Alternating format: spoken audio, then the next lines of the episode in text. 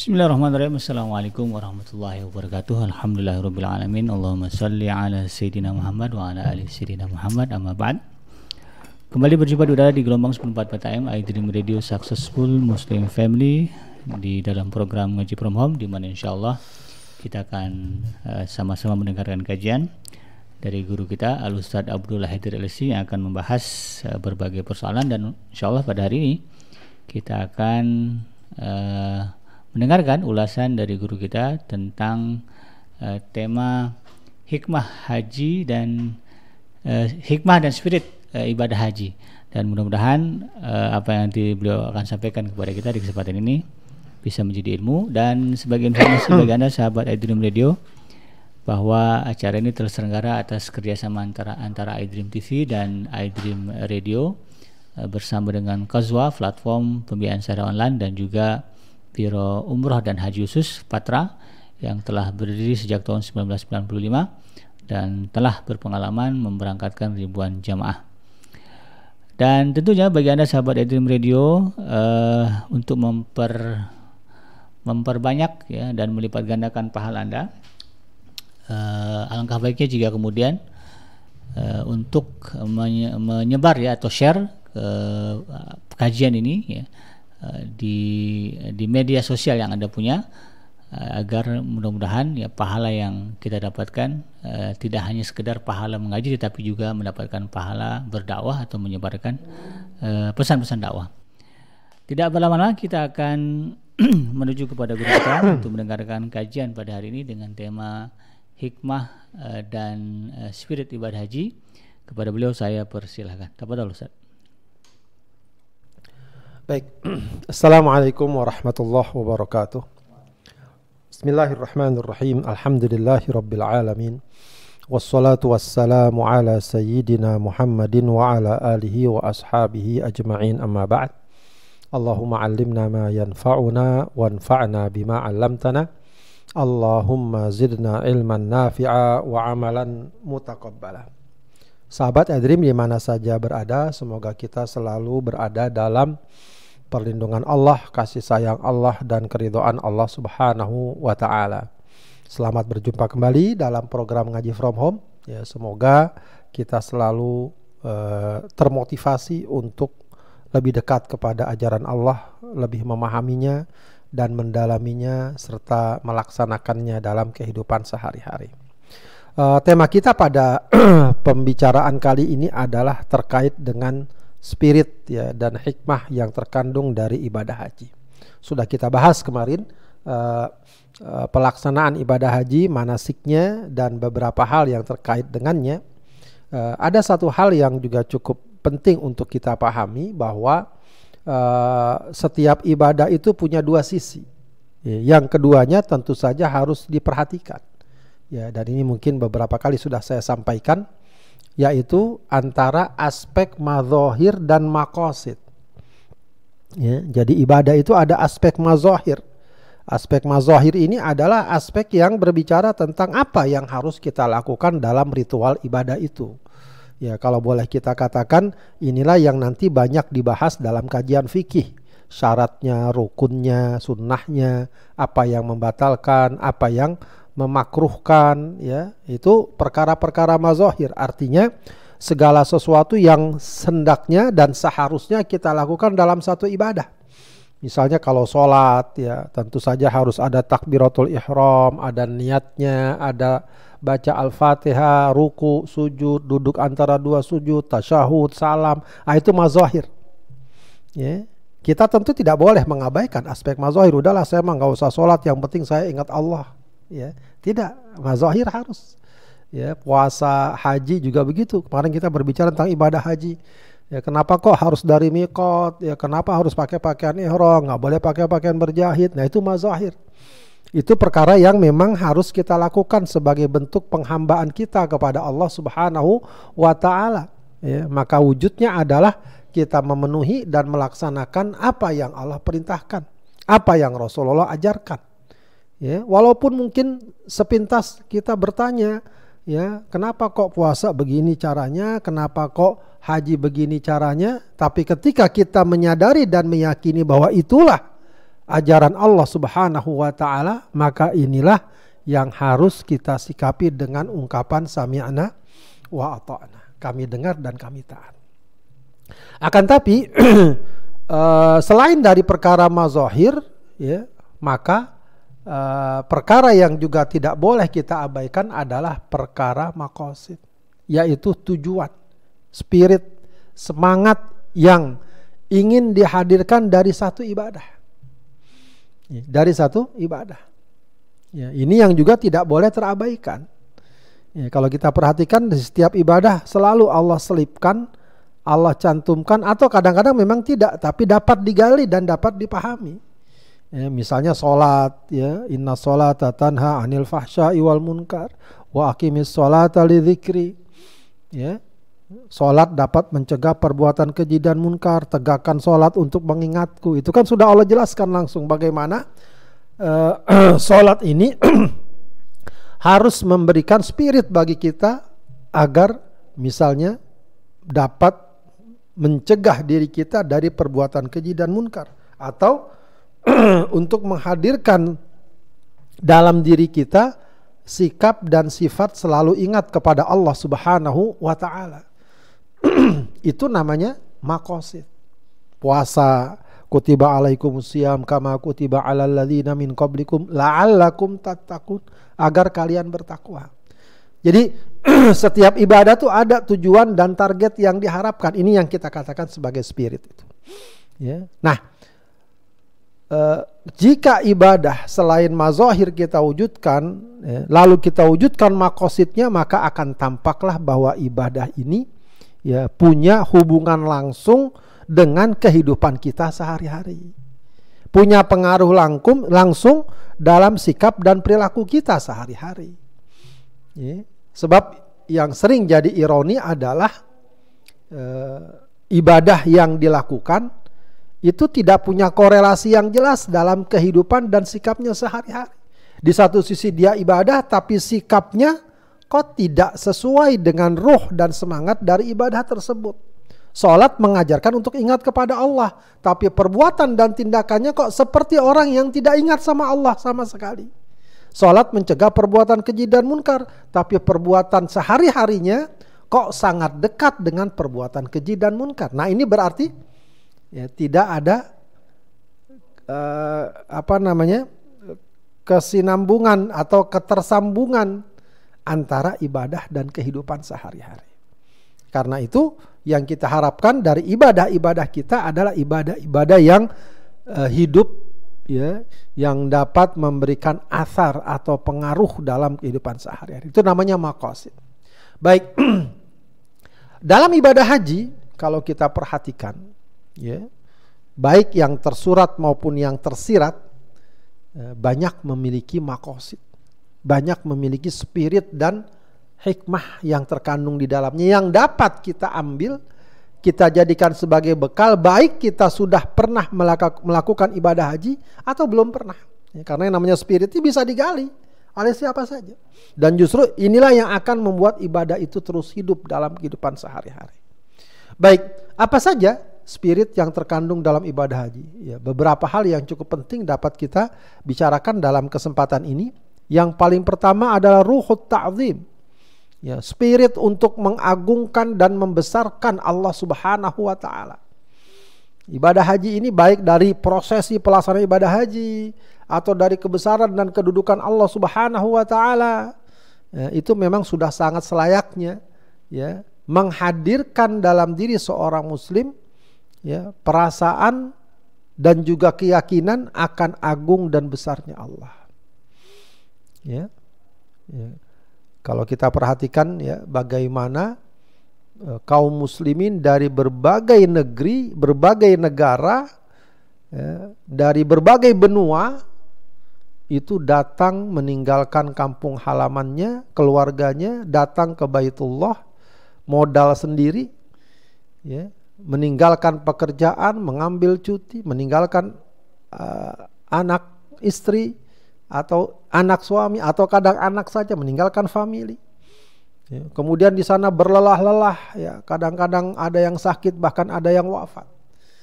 Ya, tidak ada yang mengongkosi mereka atau apalagi memberikan iming-iming kalau kamu pergi haji dapat bonus misalnya, tidak ada. Itu siapa yang mampu menggerakkan seperti itu? Kekuatan apa yang bisa menggerakkan orang-orang bisa melakukan hal tersebut selain bahwa itu merupakan kekuatan yang maha agung, yang maha kuat, yang maha perkasa, yang maha menundukkan dan mengarahkan hati manusia. Allah Subhanahu wa taala.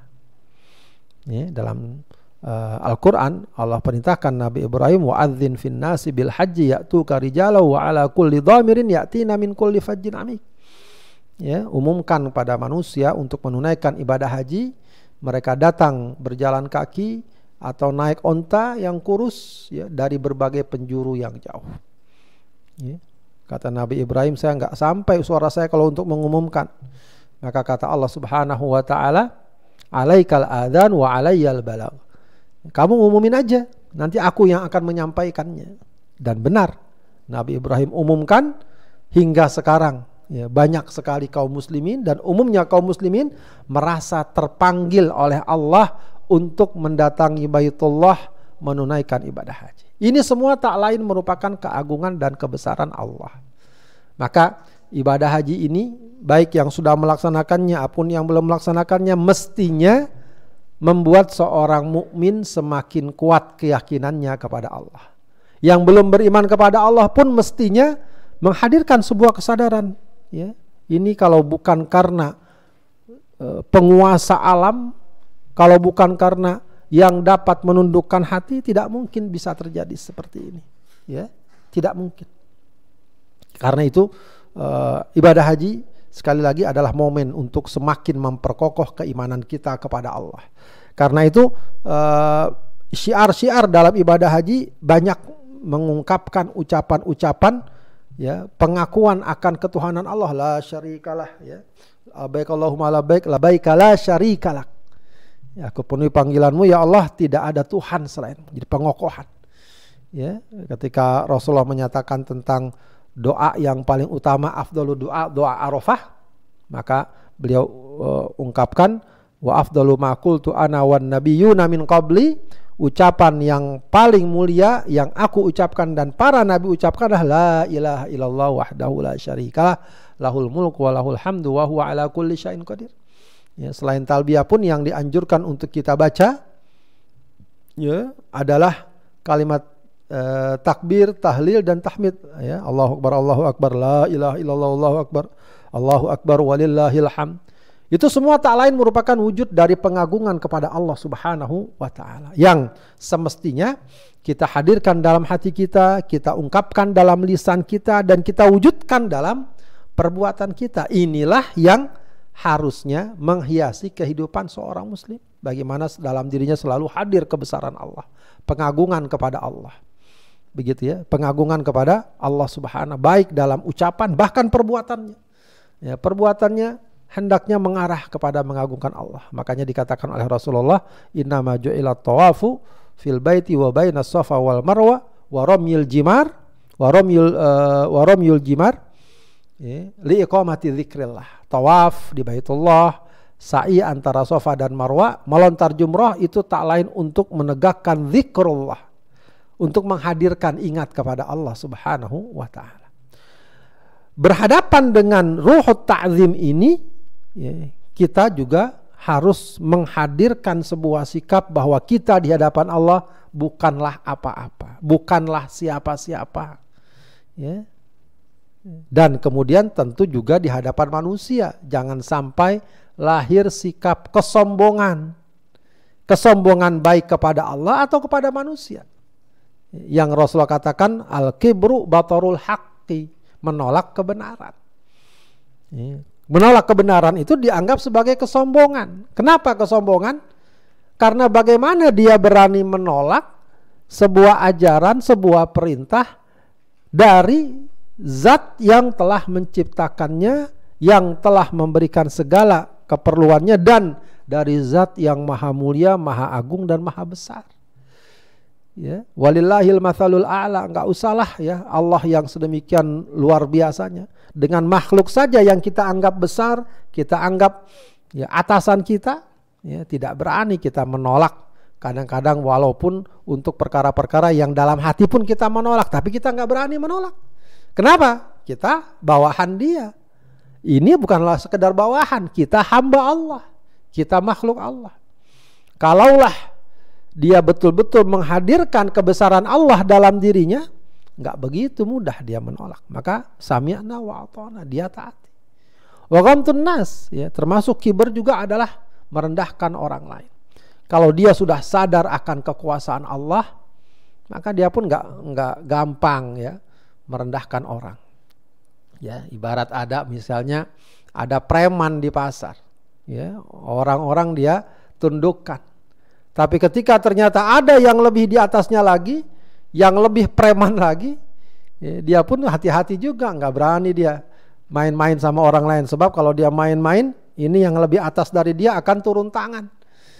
Ya. Maka manusia kalau dia yakin akan kebesaran Allah dan Allah Subhanahu wa taala sangat mengecam perbuatan yang menindas, yang menzolimi orang lain, ya, dia pun apa namanya? Uh, tidak sembarangan untuk melecehkan orang. Lagi pula siapa dia untuk sombong, untuk bangga, ya, dan seterusnya. Ini ini salah satu efek ya dari orang yang menyadari ya akan spirit dari ibadah haji, yaitu membesarkan Allah. Ya ini uh, satu hal yang harus kita sadari ya. Artinya apa? Seharusnya orang kalau pulang dari ibadah haji, mestinya yang hadir adalah ya sikap rendah hati. Bukan kebalikannya, ya. Malah ibadah haji dijadikan sebagai sarana kesombongan. Sarana untuk jumawa, untuk mempertontonkan kebesaran, keagungannya. Oh, saya udah ibadah haji dan seterusnya, maka kemudian dia melakukan perbuatan-perbuatan yang tidak layak. Ini yang tidak boleh terjadi. Baik. Kemudian yang kedua, ya, semangat dari ibadah adalah ruhut talbiyah. Semangat untuk ya, bertalbiyah. Talbiyah tentu ucapan yang sangat akrab dan familiar. Ya, bahkan bukan hanya mereka yang menunaikan ibadah haji, ya, yang tidak pun insya Allah hafal ya. Labbaik Allahumma labbaik labbaik la syarika lak labbaik innal hamda wan ni'mata lak wal mulk la syarika lak. Bahkan sejak kecil kita hafal insya Allah. Enggak dihafal pun hafal karena memang redaksinya udah enak gitu dia. Ya, redaksinya sudah bagus ya. Kalau kita perhatikan dia redaksinya sudah pas enak ya. Apalagi kalau dibaca dengan penuh uh, apa uh, keharuan ya, penuh kehusuan. Ya, kadang-kadang ya ya ini memang uh, apa namanya kebesaran Allah juga ya. Ya, dibaca tanpa kita atau di, di saat kita tidak sedang ihram pun di sini ya di Indonesia atau di negeri kita kita baca talbiyah itu ada suasana tertentu ya apalagi kalau baca rame-rame atau apa gitu mungkin ya namanya lagi ini terus labbaik Allahumma labbaik gitu ya itu begitu apalagi kalau dibaca di tanah suci saat ihram itu lain lagi tuh sensasinya itu padahal baru baca saja Ya. Apalagi kalau lihat maknanya. Maka dikatakan ini talbiyah. Ya, kata-kata labbaik itu dalam bahasa Arab adalah sebuah respon atau jawaban ketika dia mendapatkan panggilan dari pihak yang lebih besar darinya. Apakah gurunya, orang tuanya, atau orang yang dia hormati. Para sahabat kalau dipanggil Rasulullah bilang labbaik ya Rasulullah. Labbaik. Artinya sebuah gambaran ya bagaimana responnya yang cepat ya untuk menerima seruan dan panggilan. Ya, dulu kalau di Jakarta, entah kalau di ini ya, kita kalau dipanggil orang tua kita ya dipanggil, ya Abdullah. Abdullah bilangnya apa? Back gitu ya. Bilangnya back, back itu dia kata baik. Ya, sebuah apa namanya? pembentukan karakter sejak dini untuk terbiasa ya menghormati panggilan orang yang lebih besar. Nah ini bukan siapa-siapa yang memanggil tapi langsung Allah. Maka kita akan labbaik Allahumma ya Allah. Labbaik Allahumma labbaik. Ya Allah kami seruhi, kami penuhi seruanmu, kami penuhi panggilanmu. Nah ini ada satu sikap yang harus memang hadir dalam diri seorang muslim. Bagaimana kalau Allah sudah panggil, Ya, walaupun kadang harus membutuhkan biaya, tenaga, waktu dan segala macam yang kita miliki, kita siap untuk memenuhinya. Nah, ini sebuah sikap mentalitas yang harus hadir bagi seorang muslim. Dan yang juga harus kita pahami bahwa panggilan Allah bukan cuma haji. Memang dia ada uh, uh, apa namanya ada kekhususan ya, tapi panggilan Allah banyak. Yang paling jelas panggilan Allah untuk sholat lima waktu setiap hari. Hayya ala sholat, hayya ala falah itu panggilan Allah. Ya, maka hendaknya kita penuhi termasuk panggilan Allah semua ajaran Allah Subhanahu wa taala yang yang lain ya. Sebagaimana dalam surat Al-Anfal Allah katakan ya ayyuhalladzina amanu stajibu lillahi walir rasul idza da'akum lima yuhyikum. Wahai orang beriman sambutlah seruan Allah dan Rasulnya kalau keduanya memanggilmu pada sesuatu yang dapat menghidupkanmu. Begitu ya. Jadi uh, ini satu hal yang uh, selayaknya hadir dalam diri kita sebagai orang yang yang beriman. Ya, agar jangan uh, berat-berat, agar jangan enggan, apalagi menolak. Ya, sekarang ini sudah mulai banyak dengan bahasa yang eksplisit atau implisit, ya, uh, reaksi penolakan, reaksi untuk tidak menerima panggilan Allah dengan segala alasannya dipanggil sholat mengatakan ini harus saya lakukan nanti saja dan seterusnya. Dipanggil zakat ya nggak mau. Dipanggil berbakti sama orang tua dipanggil untuk melaksanakan syariat Islam. Ya dengan berbagai macam dalih dan alasan banyak orang yang menolak menghindar bahkan menjauh. Padahal spirit yang harusnya hadir dari ibadah haji ini Ya, dan juga tentu sebagai spirit orang beriman adalah kalau Allah sudah panggil, kalau Allah sudah seru, istajibu. Maka sambutlah seruan Allah Subhanahu wa taala. Ya, ini uh, satu hal yang juga harusnya kita kita sadari. Maka uh, semestinya orang yang sudah melaksanakan ibadah haji atau bahkan yang belum sekalipun ya itu adalah orang-orang yang siap ya untuk memenuhi ya merespon ya panggilan Allah Subhanahu wa taala. Baik, berikutnya uh, spirit yang juga dapat kita hadirkan dari ibadah haji adalah ruhut tadhiyah. Ya. Semangat untuk berkorban, berkorban ya. Berkorban di jalan Allah Subhanahu wa taala. Ya, ibadah haji memang ibadah yang boleh dibilang ya dibanding rukun Islam yang lima itu yang lebih membutuhkan effort yang besar. Bukan hanya soal finansial ya, banyak sebagian orang hanya berpikir ibadah haji yang paling butuh uang yang cukup. Ya betul itu sangat mendasar. Tapi pada prakteknya yang dibutuhkan bukan cuma uang. Sebab kadang-kadang ada orang punya uang. Tapi ruhut tadhiyahnya semangat berkorbannya lemah. Akhirnya apa? Pertimbangan-pertimbangannya banyak. Ya, ntar gimana kalau saya ke sana desak-desekan, nanti luka, nanti sakit, ntar gimana saya ninggalin anak, gimana ninggalin usaha sekian hari bahkan mungkin sebulan, ya, keuntungan akan turun, begitu. Ya, akan banyak pertimbangan.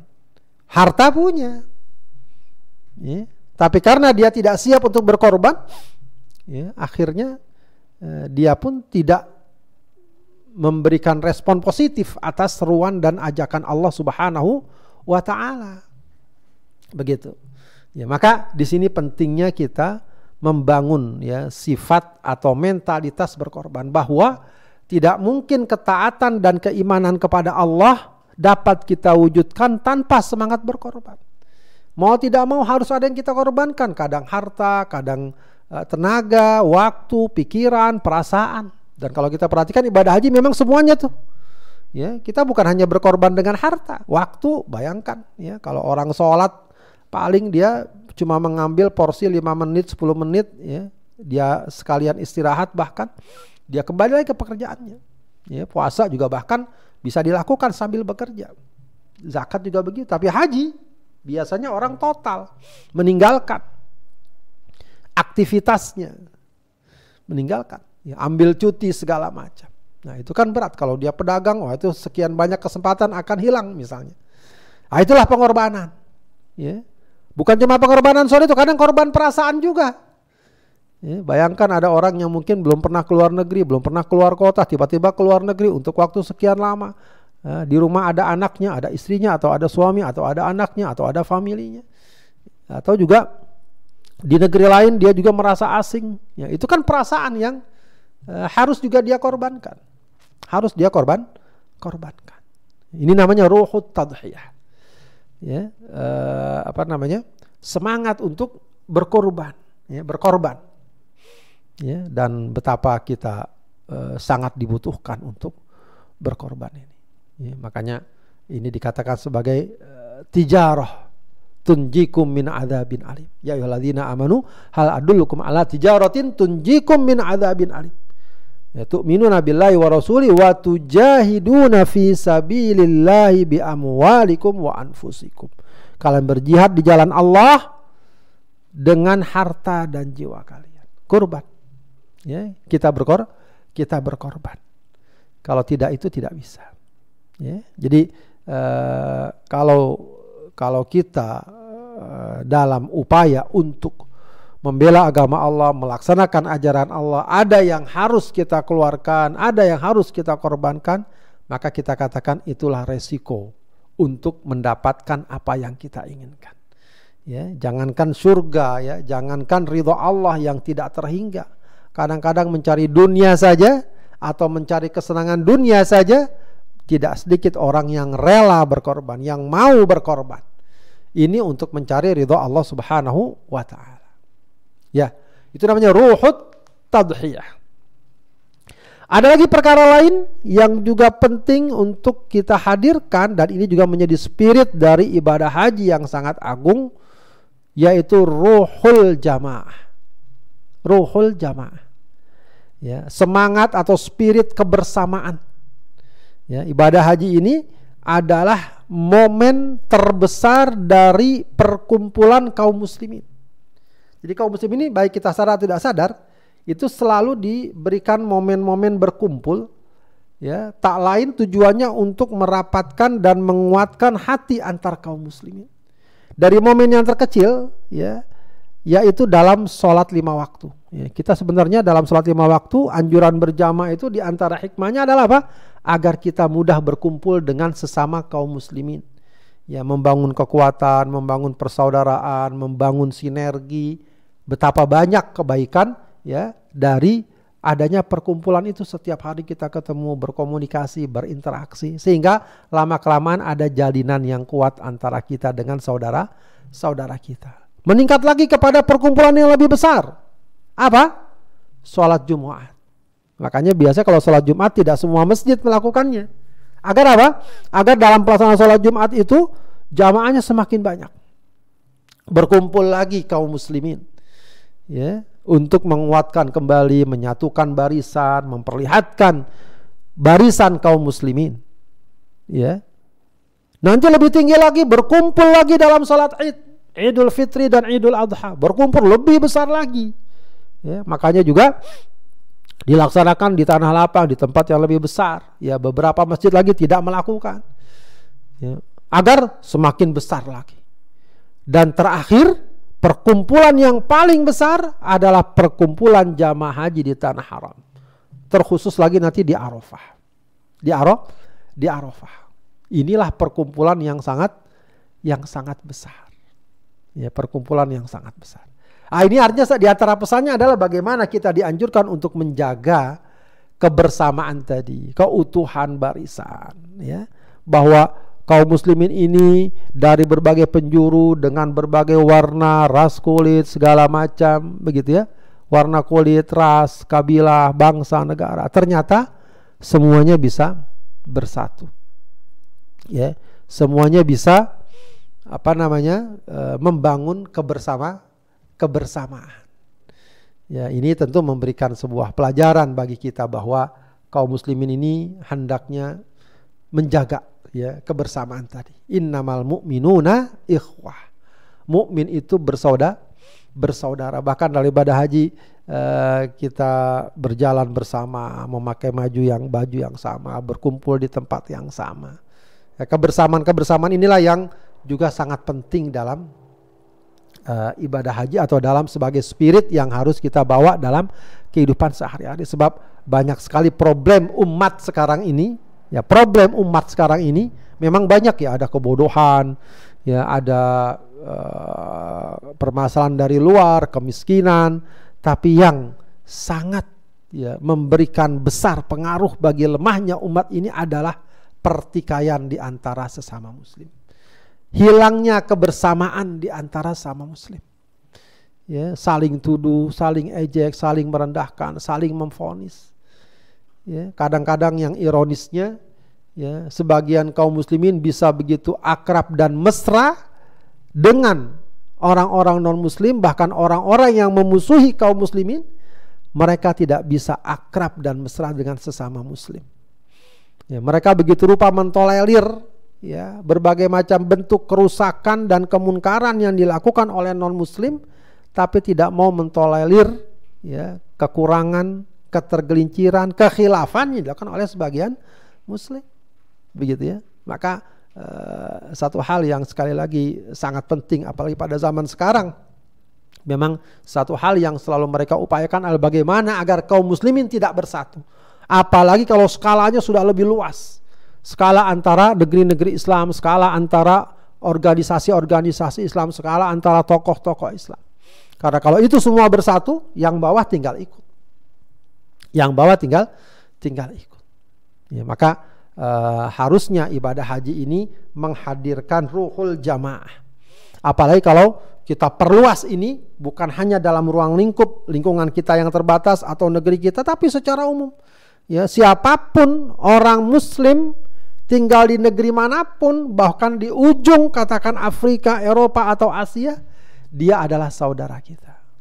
Dia adalah saudara kita. Layak mendapatkan perhatian, solidaritas khususnya apabila mereka sedang mengalami derita nestapa, apalagi kalau mereka mengalami tindakan kezaliman. Nah, itu jangan sampai kita mengatakan oh, itu urusan negara lain, kita jangan ikut campur. Tidak. Kalau itu orang Islam, itu adalah urusan kita. Ya, dan itulah yang dipesankan Rasulullah, ya. Al mu'minuna fi tawaddihim wa tarahumihim wa ta'atufihim kal jasad. Idza ishtaka minhu udwun tada'a lahu sairul jasadi bisahari wal humma. Ya, muslim itu satu sama lain dalam kasih sayangnya, perhatiannya, solidaritasnya seperti tubuh.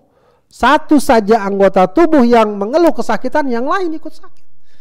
Ya, kita lihat sekarang bagaimana derita kaum muslimin di berbagai negeri, di Palestina, di India, di Cina, di Myanmar, di berbagai negeri Afrika. Banyak kita dengar.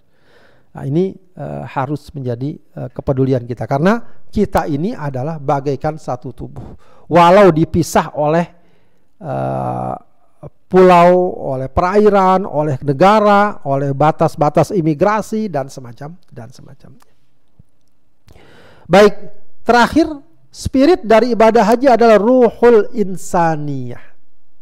Ini sangat menarik ya, karena ibadah haji ini uh, aspek uh, ritualnya, aspek penghambaan atau ibadahnya sangat kuat.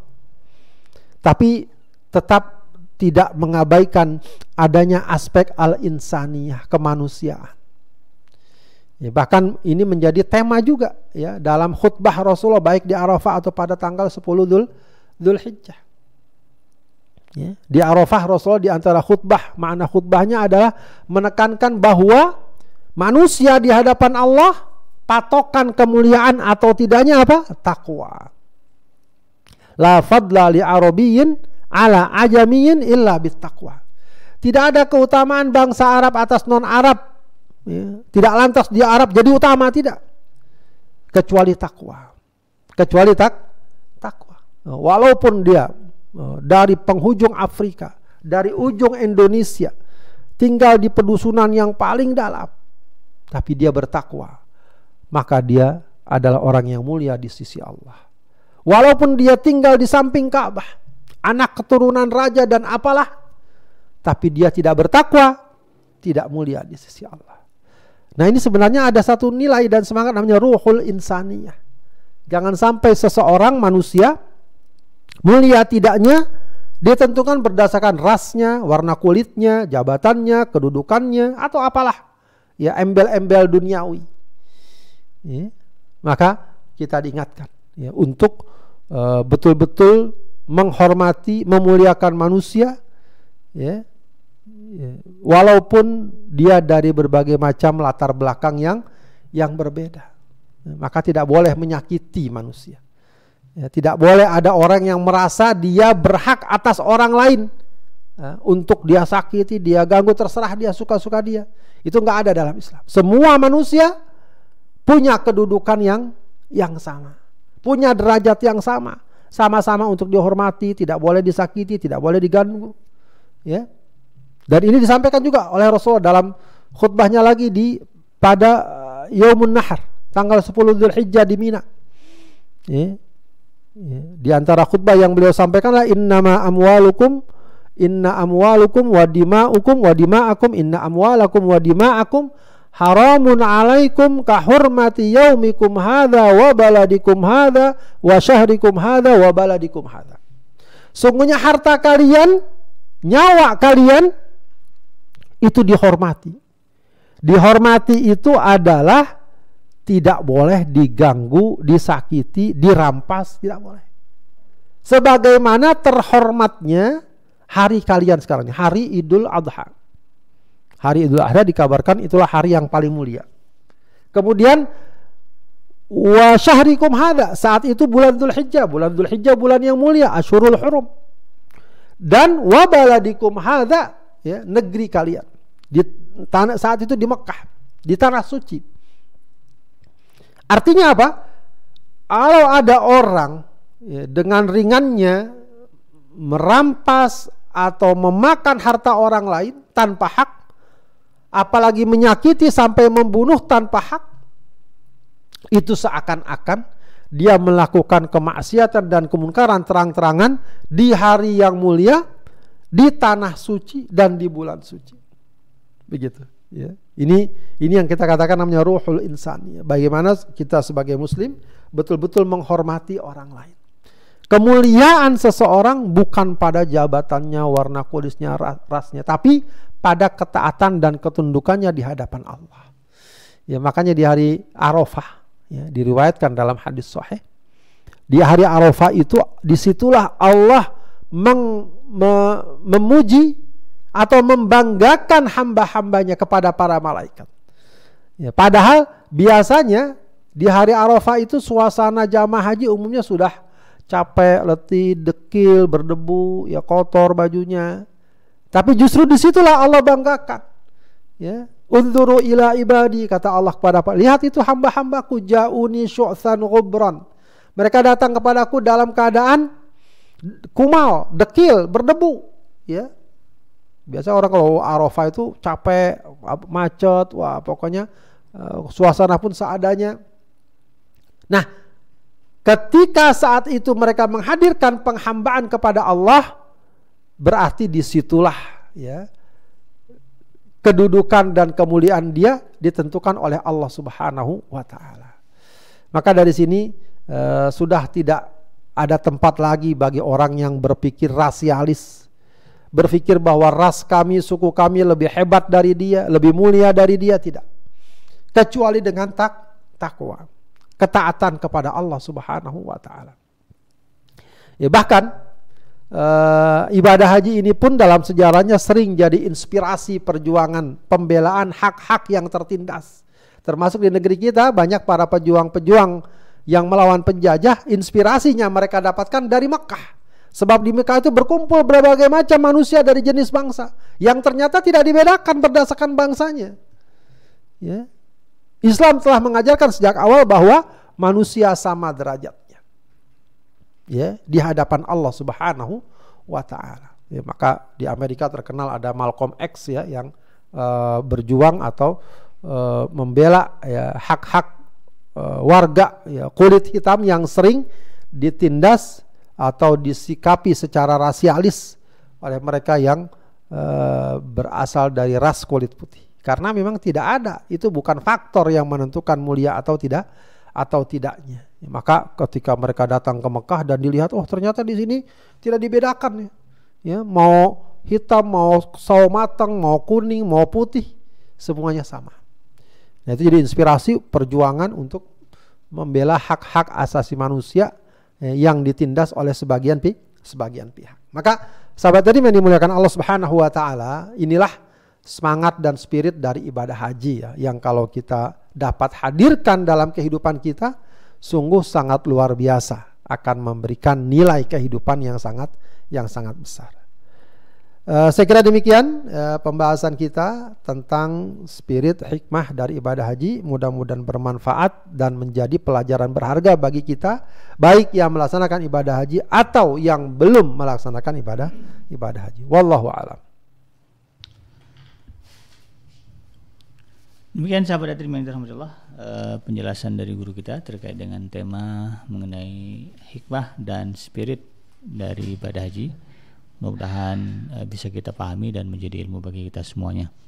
Dan mudah-mudahan bagi anda sahabat Edrim yang akan melaksanakan ibadah haji di tahun ini Allah berikan kelancaran dan kemudahan sehingga menjadi haji yang mabrur dan yang belum ya mudah-mudahan Allah berikan jalan untuk segera datang ya ke Baitullah untuk melaksanakan ibadah haji. Amin ya rabbal alamin.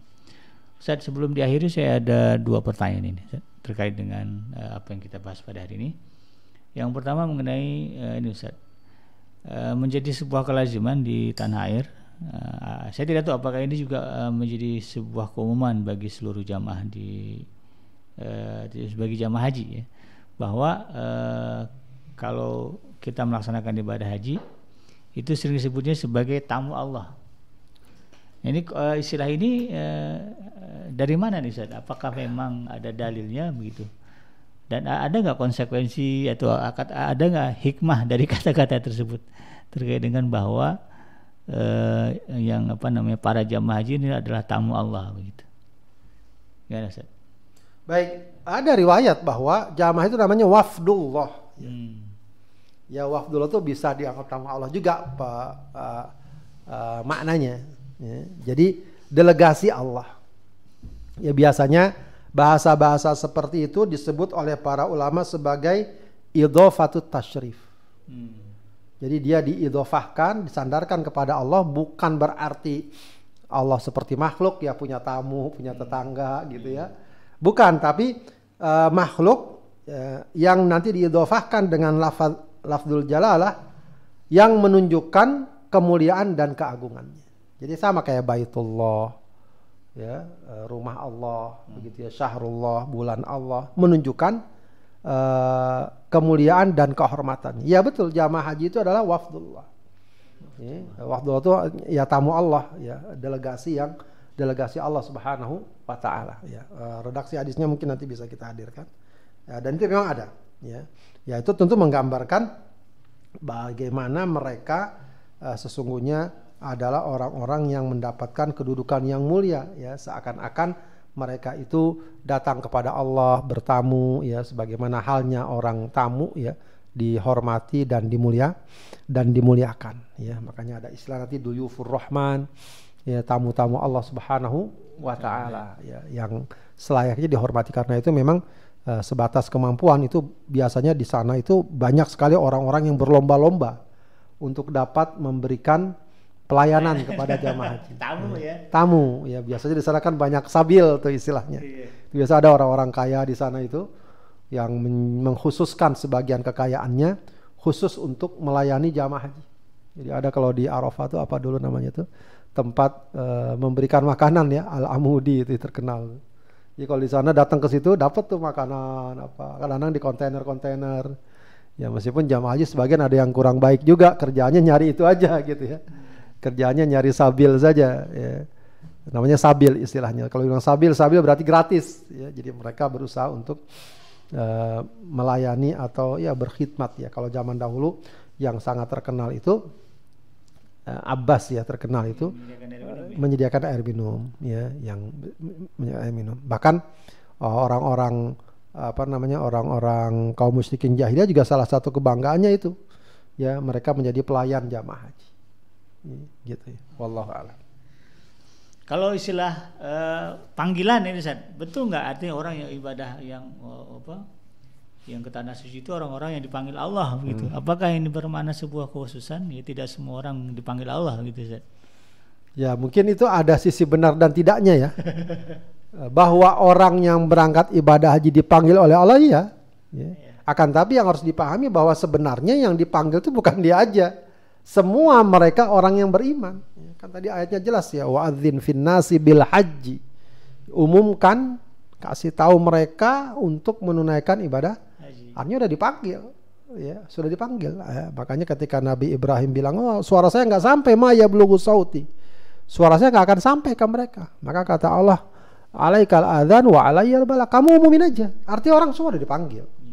Ya, ya. jadi uh, yang apa namanya uh, kalau misalnya orang belum mampu melaksanakan ibadah haji, bukan berarti dia belum dipanggil, memang belum mampu. Udah dipanggil, tapi kalau nggak mampu ya nggak apa-apa. Oh, gitu ya. Tidak dipaksakan.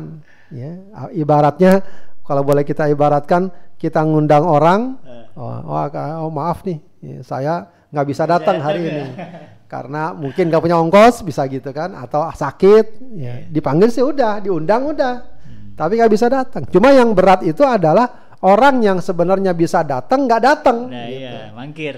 Mangkir, artinya dia diundang, ya sebenarnya nggak ada halangan dia untuk datang harusnya datang. Tapi dengan alasan oh saya belum diundang kan nggak benar juga. Ya, artinya kalau dia sudah punya kemampuan lalu dia tidak menandakan ibadah haji, ya bukan berarti dia belum dipanggil. Hmm. Ya, tapi dianya yang belum tadi ruhut talbiyahnya belum ada semangat untuk merespon panggilan Allah belum ah? Belum ada. Belum ada. Kadang-kadang dengan berbagai syubhat gitu ya. Hmm. Saya belum siap, uh, masih banyak ada. dosa gitu ya. Uh, nanti takut bawanya nggak kuat gitu. Kadang-kadang suka ada kayak kayak gitu. Itu sebenarnya subhat dari setan aja. Ya nggak boleh seperti itu. Kalau dia sudah punya ya, kemampuan. Katakanlah ya kalau sekarang kan memang soal mampu juga relatif ya karena yeah. mampu tapi nggak ada kuotanya kan nggak bisa. Yeah. Katakanlah dia sudah nyetor, sudah ada namanya, udah dapat lah tahun ini berangkat. Tapi dengan berbagai alasan oh saya belum siap. Nah itu nggak boleh. Hmm. begitu ya. Dia harus uh, memenuhi hal itu. Dia sudah wajib untuk melaksanakannya. Jadi pada dasarnya semua kaum muslimin udah dipanggil saya. sudah dipanggil. Cuma ada yang mampu datang ada yang nggak mampu. Nah yang nggak mampu ini kan macam-macam juga. Ada yang memang benar-benar nggak mampu ada yang cuma perasaan-perasaan aja yeah. gitu ya. Iya, baik-baik. Jadi ini satu hal yang harus kita pahami salah ya kalau kemudian. Kenapa belum berangkat bang? belum dipanggil nih ya sudah dipanggil cuman mungkin uh, ada yang malas datang gitu ya, atau yang ada yang memang belum uh, belum apa belum mau menjawab panggilan nah ini jadi persoalan kemudian Ustaz terkait dengan nah itu tadi nih Ustaz uh, sekarang kan untuk berangkat haji itu uh, daftar antriannya panjang panjang sekali gitu Ustaz apalagi dengan kebijakan yang sekarang katanya ada yang daerah-daerah sampai puluhan tahun Ustaz ada yang sampai uh, hampir 100 tahun dengan kuota yang sekarang gitu kan. Ya. Nah ini uh, saya pernah menemukan beberapa uh, curhatan gitu kan. Aduh nih uh, mau mau daftar haji tapi bingung gitu kan. Uang uang untuk daftar ada sekitar uh, 25 juta gitu kan. Tapi waktu nanya ke uh, Depart uh, Kementerian Agama 25 tahun Pak da, tunggunya. Ya, diukur-ukur dengan umur dia gitu kan, umur 50 apa apa mungkin ini saya nyampe gitu. Hmm. Nah ini kira-kira menyikapinya gimana Ustaz? Bahwa eh, kita mau ibadah haji gitu kan, tapi kemudian ternyata daftar tunggunya lama, terus ada peluang dan kemungkinan kita tidak akan sampai itu untuk bisa menunaikan ibadah haji. Ya. Sikap kita gimana nih Ustaz harusnya?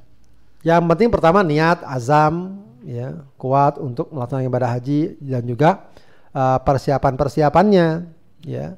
Ya mungkin salah satunya setor ya tapi kalau misal lihat kuota kayak gitu ya mungkin dia bisa katakan simpan atau dia investasikan ya dengan harapan nanti akan lebih besar lagi keuntungannya tidak mengapa ya jadi fleksibel aja tidak harus misalnya kalau kalau kayak gini ya kalau misal kondisi kayak gini yeah. Bisa dia umur udah 40 tahun ya. Iya, uh, tahun apalagi 50 tahun, dapat tunggunya 30 tahun. Uh, dia fleksibel aja nggak harus misalnya harus menyetorkan ibadah haji. Tidak yang penting azamnya kuat dan dia punya rencana-rencana begitu ya. Udahlah daripada saya tawarus itu saya investasikan mudah-mudahan nanti jadi bertambah yeah. begitu ya. Jadi saya bisa sedekah, saya bisa juga untuk haji atau syukur-syukur misalnya ikut program haji yang mahalan dikit dan sehingga dia masih tidak menunggu sedemikian lama. Bisa Iya. saja tidak masalah. Khusus, ya. Yang penting azamnya kuat, tekadnya kuat, rencana-rencananya juga Pak. Hmm. eh, bagus begitu ya. Ya, Jadi fleksibel aja. Mau dia setor nggak apa-apa. Dia nggak setor tapi azamnya tetap eh, ada ya itu. Ya, dan ya tidak tidak perlu kita putus asa. Saya kayaknya nggak mungkin pergi haji. Nah, Kalau Allah kehendaki berangkat berangkat saja. Ya, mungkin dengan eh, satu dan lain sebab ya. iya. Kalau misalnya sekarang sangat terbatas, ya, katakanlah sekarang kuotanya baru 50% dari yang biasa. Siapa tahu tahun depan sudah lagi. nambah lagi. Siapa tahu nanti nambah lagi juga bisa jadi ya sebab uh, proses perluasan Masjidil Haram, Masjid Nabawi sedang berlangsung yang memang tujuannya nanti untuk menambah kuota itu. Tidak tidak tertutup kemungkinan ya Mina, Arafah, Muzdalifah pun akan. Diperluas, diperluas maksudnya diperluas daya tampungnya ya. Sebab kalau diperluas wilayahnya kan udah nggak mungkin. Kemungkinan daya tampungnya bisa jadi ya, bisa jadi itu sudah ada kayak di Mina sendiri ya meskipun masih sedikit ya sudah ada tuh kan penginapan kayak bertingkat gitu ya. Nah, itu bisa jadi mungkin nanti tenda-tenda eh, akan dibuat bertingkat Iya. gitu ya dan menampung sekian banyak orang atau lebih banyak orang sehingga kuota semakin besar ya. Kalau Indonesia biasanya sekitar 200 ribu ya Hmm. dulunya itu itu mungkin ya kalau memang dia ada penambahan-penambahan tempat bisa jadi mungkin 300 400 dan seterusnya. Artinya eh, ya harapan jangan sampai eh, putus ya, jangan sampai putus asa seakan-akan tidak ada harapan. Tetap niat dihadirkan dan kemudian ya diatur rencana-rencana yang jelas untuk melaksanakan ibadah haji.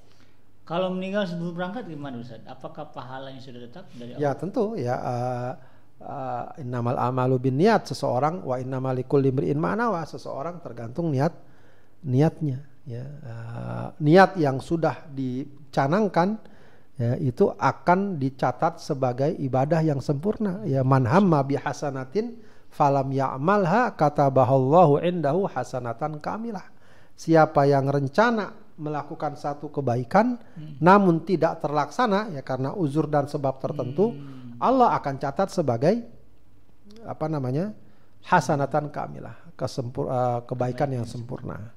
Bahkan kalau kayak gitu ya kalau seandainya orang itu semasa hidupnya ya seharusnya dia pergi haji karena dia sudah punya kemampuan mo- modal maka ahli warisnya harus mengeluarkan dari harta warisannya Untuk badan. untuk badal haji untuknya.